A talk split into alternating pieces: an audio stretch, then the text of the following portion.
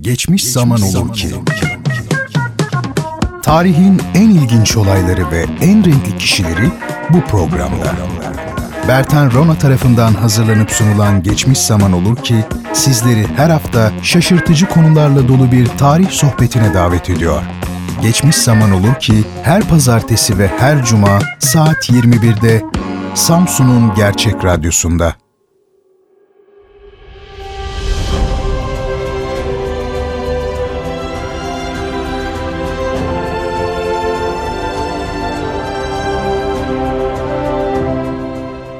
Sevgili dinleyiciler, tarihte yaşanmış enteresan, tuhaf olaylar ile yaşamış garip ve ilginç kişileri ele aldığımız Geçmiş Zaman Olur Ki programına hoş geldiniz. Bendeniz Bertan Rona. Geçmiş Zaman Olur Ki'yi sizler için hazırlayıp sunuyorum. Programı her hafta pazartesi ve cuma akşamları saat 21'de Radyo Gerçek'te dinleyebilirsiniz. Bu bölümde size ünlü Rus din adamı Rasputin'i anlatacağım. Rusya, belki de dünya tarihindeki en ilginç karakterlerden biri Rasputin. Konuştuğu insanları adeta hipnotize eden inanılmaz bir ikna gücüne sahip. Bu gücü zamanla Çar II. Nikolay ve eşi Alexandra Fyodorovna üzerinde de etkili oluyor ve kendisi saray çevresine katılıyor. Adı güç ve zamparalıkla eş anlamlı hale gelen Rasputin, bu ilginç yaşam öyküsüyle Rusya tarihine damgasını vuran tuhaf bir kişilik. Evet, Rasputin 21 Ocak 1869'da Pokrovskoye köyünde doğdu. 9 çocuktan beşincisiydi. Fakat kardeşlerinden sadece ablası ve kendisi hayatta kalmıştı. Çocukluk yılları Sibirya'da geçti. Doğayla iç içe olan babasının çiftliğinde kardeşleriyle beraber hayatı tanımaya başladı. Uzun boyu ve derin mavi gözleriyle çevrenin ilgisini daha küçük yaşlardan itibaren çekmeye başlamıştı. İlginç bir şekilde bütün tahminleri ve öngörüleri gerçeğe dönüşmekteydi yani kehanetleri. Bir gün babasının çiftliğinden bir at çalındı. Rasputin ne atı, ne hırsızı, ne de olayı görmemişti. Fakat babasına hırsızın adını söyleyiverdi. Babası önce hiç kimseyi bu şekilde itham etmemek gerektiğini düşündü ama Rasputin'in hırsız dediği adam kendiliğinden suçunu itiraf etti. Bu olaydan sonra ailesi ve bütün çevresi onun gerçekten doğaüstü güçlere sahip olduğunu düşünmeye başladılar. Köyde mistik yetenekler bahşedilmiş biri olarak biliniyordu. Bacakları kontrolsüz titrer, ayaklarını sürüyerek yürür ve ellerini hep meşgul tutardı. Bazı araştırmacılar tarafından asla açık ve anlaşılır bir cümle kuramadığı söyleniyor. Bazı araştırmacılar ise bir kere duyulduğunda asla unutulamayacak bir sese sahip olduğunu iddia etmekteler. Rasputin'in 2 Şubat 1887'deki evliliğinden 3 çocuğu oldu. Ancak ikisi genç yaşlarında öldü. 1892 yılında aniden köyünü ve ailesini terk edip giden Rasputin birkaç ay Verkhoturye'de bir manastırda kaldı. Rasputin üzerinde çok etkili olan bir kişi vardı burada. Kimmiş? Kardeş Makari adında manastırın dışında kalan bir keşiş. İçki içmeyi ve et yemeyi bırakmasını sağlamış Rasputin'in Makari adındaki bu keşiş. Rasputin ilginç yeteneklerini manastırda da sergilemeye başladı ve kısa sürede keşiş oldu. Bundan sonra manastırın vaiz heyetine katılan Rasputin Rusya'yı gezmeye başladı. 1886 ve 1901 yılları arasında bütün Rusya'yı, Balkanları, İtalya ve Yunanistan'ı dolaştı. Hatta Kudüs'e kadar gitti. Gittiği yerlerde vaazlar verdi. Kazan'da bir psikoposun ve yüksek kademeli üyelerin dikkatini çekmeyi başardı. Kutsal metinleri e, biliyordu. Yorumları o kadar harika ve o kadar orijinaldi ki yüksek eğitimli insanlar hatta din adamları bile onu severek dinlemekteydiler. Daha sonrasında görüştüğü Teofanes adlı başpiskopos onun kuvvetli hafızasından ve psikolojik idrakinden o kadar etkilenmişti ki ona kendi odasında kalmasını bile teklif etmişti. İran mistisizmine, spiritizmine ve doğaüstü güçlere ilgi duyan Prenses Milika ve kardeşi bir gün onu çağırdılar. Milika onu Çar Nikolay ve eşi Alexandra ile tanıştırdı. 1905 yılı Rasputin'in ülke çapında büyük bir üne kavuştuğu yıl oldu. St. Petersburg'da verdiği bir vaazda Birinci Dünya Savaşı'ndan ve yaklaşmakta olan Bolşevik devriminden bahsetti. Tarih onun yine haklı çıktığını insanlığa gösterecekti. Nisan 1907'de 2. Nikolay'ın oğlu ve tahtın varisi Alexey Nikolayevich Romanov yaralandı. Bu Romanov hanedanı, Çarlık hanedanı mensubu, daha doğrusu tahtın varisi Alexey Nikolayevich Romanov yaralandı. Ölümcül bir kanaması vardı. Bu olay halka açıklanmamış ve bir devlet sırrı olarak korunmuştu. Alexey Nikolayevich bu genç çocukta hemofili hastalığı vardı. Bu kraliyet ailesinde görülen ırsi bir rahatsızlıktı aslında. Doktorlar bu duruma çözüm bulamadığı için çaresiz Çariçe başka bir yol arıyordu. Çünkü daha gençken annesini, abisini ve küçük kız kardeşini bu hastalıktan kaybetmişti. Bu kayıplara bir de minik oğlu Alexey'in eklenmesini istemiyordu. Çariçe'ye Rasputin'in çocuğu dualarıyla iyileştirebileceği söylendi. Doktorlar ise tam tersine çocuğun öleceğini söylemekteydiler. Rasputin parmaklarıyla çocuğun açık yaralarına dokunarak ve bir takım dualar okuyarak kanamayı birkaç dakika içinde durdurmayı başardı. Ertesi gün Alexey önemli iyileşme belirtileri göstermeye başladı. İlginç değil mi? Bu Rasputin'in ünlü mucizelerinden biridir. Başka var mı? Olmaz mı? Daha neler olacak neler. Biz devam edelim. Bundan sonra Rasputin için saray yılları başladı. Saray çevresi ve Rusya Yüksek Sosyetesi için birçok vaaz verdi. Radikal görüşleri ve ilginç kehanetleri onu Rus burjuvazisinin en merak edilen adamı yapmıştı. Uzun boyu, heybetli sakalı, insanın içine işleyen derin bakışları ve inanılmaz hitabet gücü ona özellikle kadınlar arasında büyük bir hayran kitlesi oluşturdu. En büyük hayranı ise çocuğunu iyileştirdiği Çariçe Aleksandrova'ydı tabii ki. 9 Ekim 1912'de yani Rasputin'in kendisini iyileştirmesinden 5 yıl sonra Veliaht Alexey'in kanaması yeniden başlayınca Çariçe Rasputin'den tekrar yardım istedi. Bir gün sonra Rasputin'den Çariçe'ye şu kehaneti içeren bir telgraf geldi. Neden telgraf? Çünkü Rasputin çok çok uzaklardaydı. Telgrafında şöyle diyordu Rasputin. Ufaklık ölmeyecek. Doktorların onu rahatsız etmesine izin vermeyin. Bu mektuptan bir müddet sonra Alexey'in kanaması durdu ve şişlikleri indi. Rasputin çocuğu iyileştirdiğinde 2600 kilometre uzaklıktaydı. Artık Çar'ın ve ailesinin kendisine olan hayranlığı daha da artmıştı ve Rasputin saraydaki yeri çok sağlamlaşmıştı. Rasputin'in saraydaki yeri çok sağlamlaşmıştı. Rasputin aileden biri gibiydi. Dış politikada, günlük olaylarda, hatta aile meselelerinde bile Çariçe onun görüşünü almadan hiçbir karar vermiyordu. Çariçe tamamen Rasputin'in etkisi altındaydı ama bu durum bir taraftan da hem saray ahalisinin hem de geleneksel rahip kesiminin canını fazlasıyla sıkmaya başlamıştı.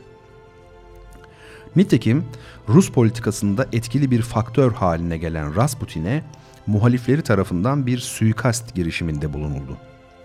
12 Temmuz 1917'de Rasputin bir telgrafı yanıtlamak için evinden çıkmış, işini bitirdikten sonra evine geri dönüyordu.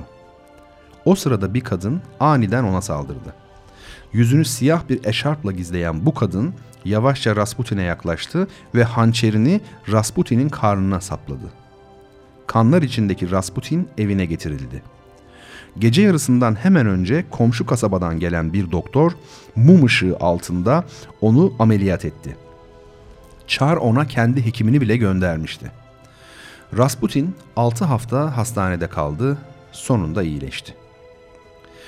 Evet sevgili dinleyicilerim, Rasputin'in enteresan ve mucizevi hayat hikayesine devam ediyoruz. Artık onun için sonun başlangıcı diyebileceğimiz gelişmeler geliyor. Şöyle, Birinci Dünya Savaşı'nın patlak vermesinden kısa bir süre önce Rasputin, Rusya'nın Almanya ile birlikte savaşa girmesine karşı olduğunu açıkça beyan etti.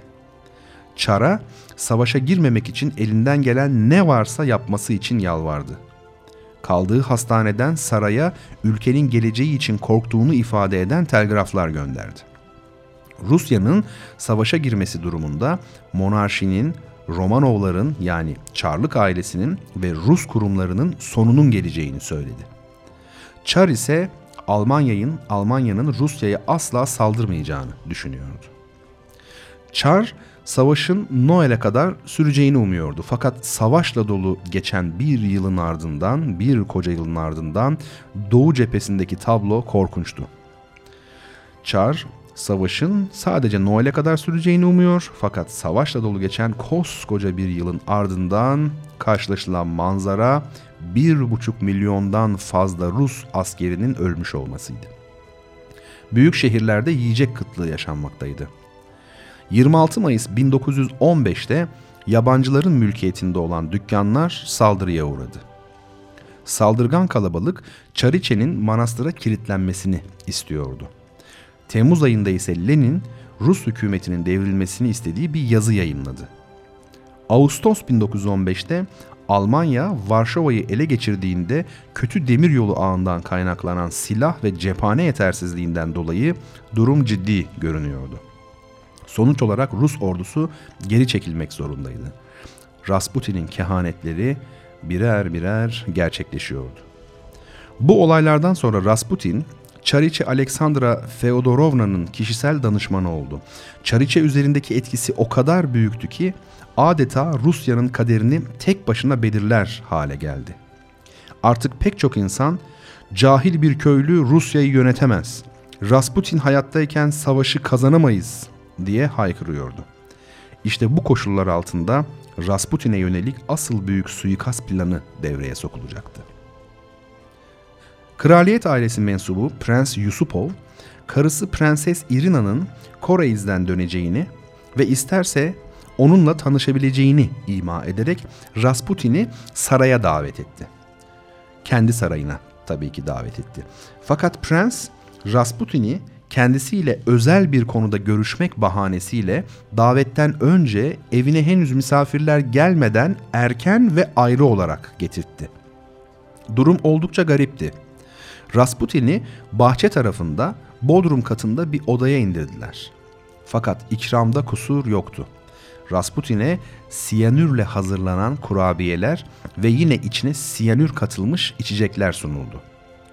Merakla prensin ne anlatacağını bekleyen Rasputin kurabiyeleri afiyetle yedi ve içeceklerden de doya doya içti.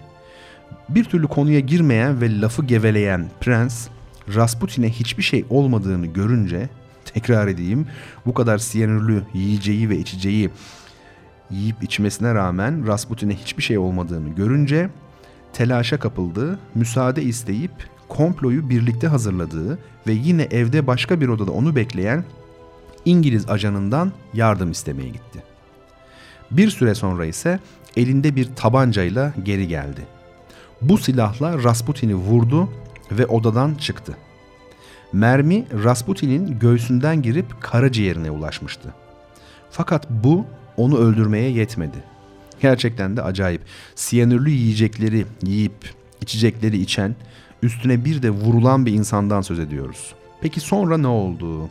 Bir süre sonra Rasputin gözlerini açtı ve kendisine bir suikast tertip edildiğini fark etti, anladı. Merdivenlerden yukarı çıkmaya çalıştı. Dışarıya çıkabilmişti. Çıkış kapısına ulaşmaya çalışıyordu ki bu sefer bir başka suikastçı tarafından tekrar vuruldu. Mermi sağ böbreğine gelmiş ve omurgasına saplanmıştı.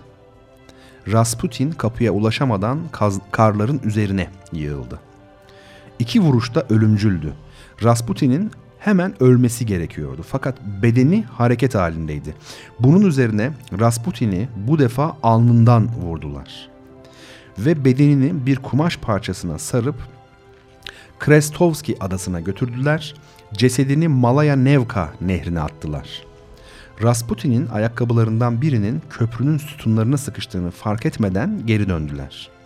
Üstelik Rasputin'in ceketi havayla dolarak cesedi sürüklemiş ve buz kütlesinin üzerine getirmişti. Bu sayede cesedi bozulmadan kalabilmişti. Ertesi gün polis Rasputin'i aramaya başladı. Ayakkabısı köprünün altında bulundu. Bu ipucundan yola çıkan polisler Rasputin'in kendisini de nehrin yakınlarında buldular. Otopsi sonucu ise herkesi hayrete düşürmüştü. Çünkü otopsiye göre Rasputin'in vücudunda hiç siyanür yoktu ve tabanca mermeriyle değil boğularak ölmüştü. Evet sanırım bu Rasputin'in en inanılmaz mucizesi. Peki Rasputin'i öldürmekteki asıl amaç neydi? Biraz da buna eğilelim.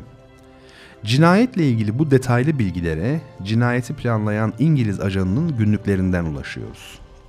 İşin en ilginç tarafı Rasputin'i İngiliz hükümetinin öldürttüğü gerçeğini de yine bu ismin yine bu ismine bile bulaşamadığımız İngiliz ajanının günlükleri ve İngiliz istihbarat kaynaklarından öğreniyoruz. Kayıtlarda Rasputin'den kara güçler kod adıyla çokça bahsediliyor. Ölüm emri ise bizzat İngiliz Savaş Dairesi tarafından verilmiş. İngilizler neden Rasputin'i öldürmek istediler?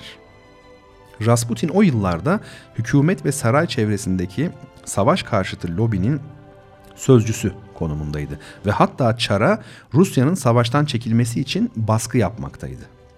Bir demecinde bu savaşın tamamen bir aptallık olduğunu ve Çar'ın bu savaşı kaybedeceğini, hatta bu süreçte Rusya'da sosyalistlerin iktidara gelebileceğinden bile bahsediyordu.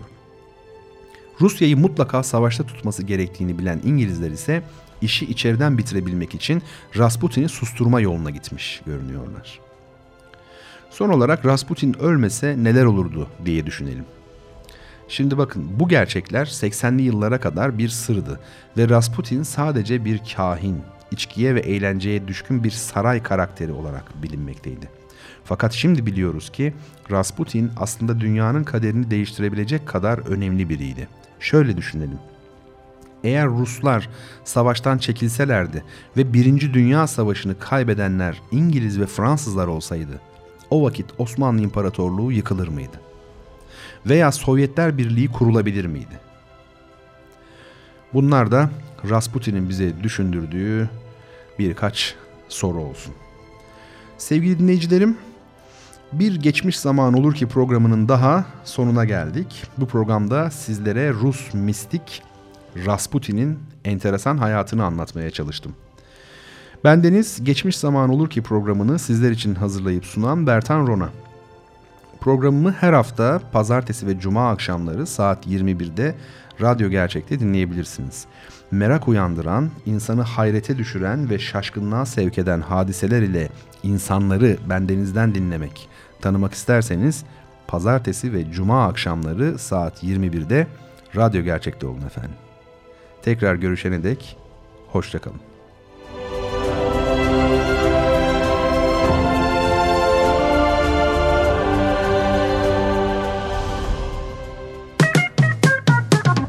Geçmiş zaman olur ki sona erdi.